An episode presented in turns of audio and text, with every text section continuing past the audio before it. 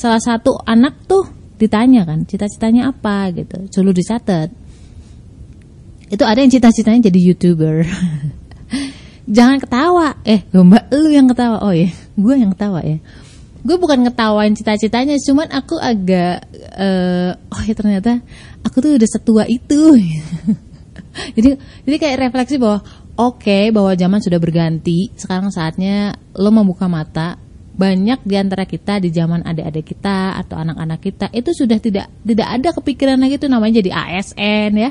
Pegawai swasta pegawai pegawai BUMN nah zaman gue tuh masih pegawai BUMN dan pegawai swasta yang menarik. Kalau untuk adik-adik kita anak-anak kita sudah nggak seperti itu. Mereka udah berpikiran untuk membuat karya konten ya Permasalahannya adalah ketika anak-anak kita itu, adik-adik kita atau bahkan lo sekarang yang dengerin gua, pondasi mentalnya tuh belum kuat. Karena gini, dunia maya, dunia digital itu bukan dunia yang sustain, tapi pace-nya tuh cepat banget gitu. Kamu harus bisa selalu update, lu harus bisa punya ide-ide segar. Ada startup nih yang dalam waktu setahun tuh melejit gitu ya, jadi startup nomor satu. Eh di tahun kedua dia anjlok Anjloknya karena ada pesaing startup lain yang punya ide lebih fresh.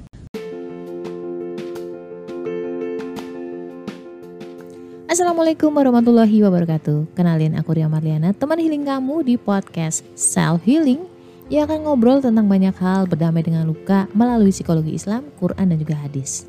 Dan kadang aku spill juga tentang karakter manusia berdasarkan golongan darah. Semoga bisa membantu kamu lebih relief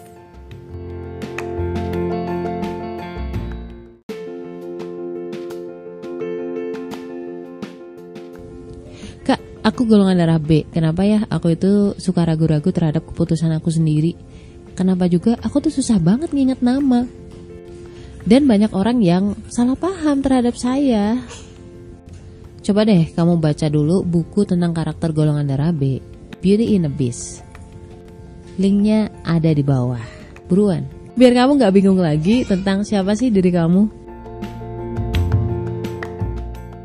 Gue ngalamin ketika nge-podcast Di zaman kalian belum mengenal podcast Mungkin ya ngece. Gue mulai tahun 2019 Di saat di Indonesia tuh masih Masih jarang banget orang bikin podcast. Atau guanya yang kuper ya Ya intinya gak se seheboh sekarang lah. Tapi dalam jangka waktu 3 tahun kemudian Itu banyak banget podcast-podcast Atau podcaster-podcaster baru yang bermunculan dengan sok senang hati gue harus bisa menerima bahwa oke okay, bahwa sekarang udah banyak podcaster podcaster lain sehingga uh, perkembangan listeners gue mulai menurun gitu. Seriously kalau lu misalkan masih aduh kenapa ya? Ini tuh turun terus kenapa ya viewsnya? Gitu gitu kan. Lu nanti stres sendiri. Ada banyak orang dengan cara pintas pingin tetap viral. Dengan cara apa? Dengan hal-hal yang negatif. Misalkan di salah satu contoh influencer yang dia tuh membawa isu tentang feminim, feminim, feminisme ya.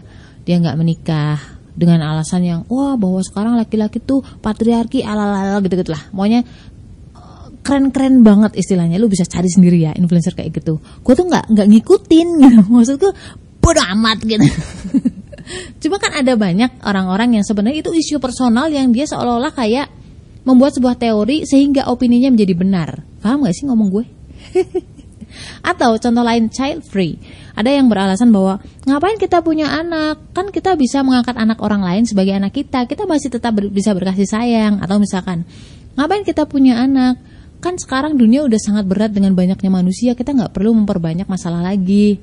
Dan segala macam alasan-alasannya itu yang sebenarnya dia punya ketakutan sendiri menjadi personal problem yang dia teorikan gitu. Kayak seolah-olah pembenaran dan dia sampaikan ke banyak followersnya lu nggak usah khawatir masalah sosial masyarakat karena ketika lu ngomong jelek pun itu akan ada yang pro dan akan ada yang kontra. Lu berperilaku jelek pun itu pasti akan ada yang bela kamu. Orang-orang yang merasa relate sama kamu. Ya kan? Cuman kita ingatlah bahwa bahwa sebenarnya kita tuh hidup nggak akan selamanya, cuy. Kita akan kembali sama Allah. Kalau kayak gini tuh lu bisa cepat viral, subscriber kamu bakal bakal naik cepat, follower kamu bakal naik bejibun gitu. Sebenarnya ketika kita bikin konten yang itu menggiring orang lain untuk berbuat tidak baik contohnya zina, mesum Zina sama mesum sama ya. Mabok lah apa pun itu. Kita tuh ikut dapat dosanya tahu. Loh Mbak bukannya manusia masing-masing akan memikul dosanya sendiri-sendiri. Gue akan kasih sebuah analogi cuy. Kan pramuka ada yang namanya jambore misalkan kan ada namanya titik berangkat nanti sampai titik ke kepulangan. Yang pertama sampai masuk ke tujuan ke goal itu jadi pemenang. Pas hiking itu ada petunjuknya. Misalkan oh ini ada tikungan, ada petunjuk arah ke kanan. Berarti kita ikut ke kanan tuh, ya kan? Eh, ketemu lagi tikungan, ada petunjuk ke arah kiri. Oh, kita ke kiri. Begitu seterusnya sampai menuju ke titik kumpul, ah, titik kumpul sampai ke finish. Kebetulan ada anak yang agak-agak nakal, iseng gitu ya. Dia membalik yang harusnya ke arah kanan, dia arahkan ke kiri. Otomatis banyak grup atau regu yang tersesat. Kalau cuma tersesat doang dan ketemu, alhamdulillah. Tapi gimana kalau misalkan tersesat, udah nggak sampai finish, mereka nyebur ke jurang, gimana? Apakah orang yang nakal ini nggak akan dapat karmanya? Eh karmanya, nggak akan dapat pasalnya, kan tetap dia akan dihukum. Itu contoh pertama. Contoh yang kedua, ini ada kejadian, gue pernah lihat sebuah video di jalan, ada mobil parkir di sebelah kiri. Tapi karena jalannya sempit, jadi dia agak memakan jalan utamanya, bukan di bahu jalan, karena nggak ada bahu jalan. Dengan serta merta dia membuka pintu, itu si supirnya, dia membuka pintu tanpa ngelihat spion, dia nggak melihat di belakang dia ada motor atau enggak. Dan benarlah ada motor. Karena dia juga nggak menyangka bahwa si mobil ini membuka pintunya. Salah si supir mobil ini membuka pintu. Akhirnya dia jatuhlah si ini si pengendara motor tadi kena pintu yang dibuka tadi. Ketika dia jatuh dia jatuh ke kanan tuh. Ya kan? Dari kanan dia ditabrak oleh truk yang melaju dari belakang. Dan dia meninggal dunia. Sekarang kalau kamu ke polisi siapa yang bakal menjadi tersangka Nah, itulah yang jadi tersangka bukan yang menabrak itu tadi, justru yang membuka pintu. Karena apa? Dialah penyebab kecelakaan utamanya. Si influencer tadi kena pasal menyebabkan, ya kan? Nah, sedangkan orang-orang yang berlaku kejahatan yang digiring tadi, dia juga kena pasal. Kena pasal melakukan tindakan tidak baik. Nah, kalau yang influencer tadi menyebabkan orang lain celaka menyebabkan orang lain berlaku tidak baik. Jadi sudah menanggung beban masing-masing benar dan tidak ada kontradiksi di dalamnya. Tidak ada kontradiksi antara satu ayat dengan yang lain. Semua sinkron kalau logika kamu masuk ya. So, buat kamu adik-adikku yang pengen jadi influencer, pengen jadi konten kreator, inget ini dan dengerin ini baik-baik. Niatkan karena Allah, tetap in koridor, sesuai dengan aturannya Allah, kalau bisa bikin konten itu yang mengingatkan teman-teman kita yang lain ke Allah. Kenapa? Itu insya Allah jadi amal jariah kita, jadi sangu kita gitu. Gak usah khawatir lu gak viral atau apa pun berdoa sama Allah ya Allah. Semoga konten-konten saya bermanfaat dan semakin luas jangkauannya.